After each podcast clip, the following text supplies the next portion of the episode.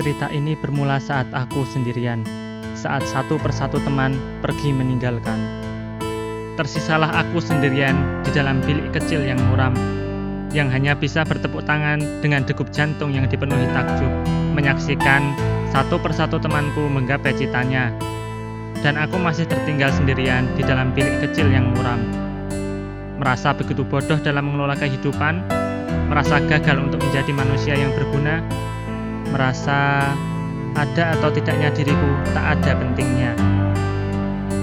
Sampai akhirnya di seperempat abad hidupku aku kembali pulang. Di dalam rumah yang lama tak aku singgahi itu telah menunggu dua orang dengan senyuman. Rasa malu yang awalnya sempat terfikirkan lenyap seketika.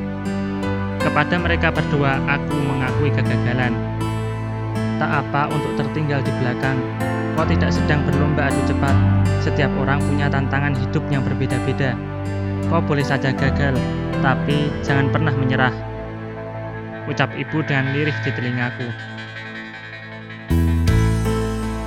Rasanya agak sulit menerima kata-kata itu, karena kenyataannya aku tak tahu lagi harus memulai dari mana.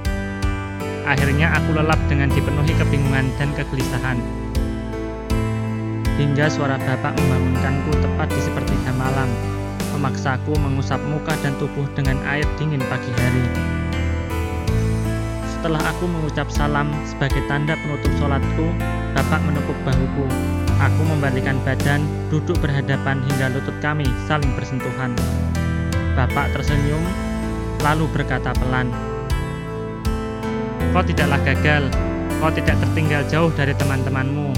Hanya saja kau jauh dari Tuhanmu. Kau lupa dengan kalimat syukur yang harusnya kau ucap setiap saat. Kau lupa dengan kalimat istighfar ketika dosa-dosa maksiat menumpuk di bahumu. Kau lupa bahwa kemudahan dan kesukaran itu Tuhan yang memberikan.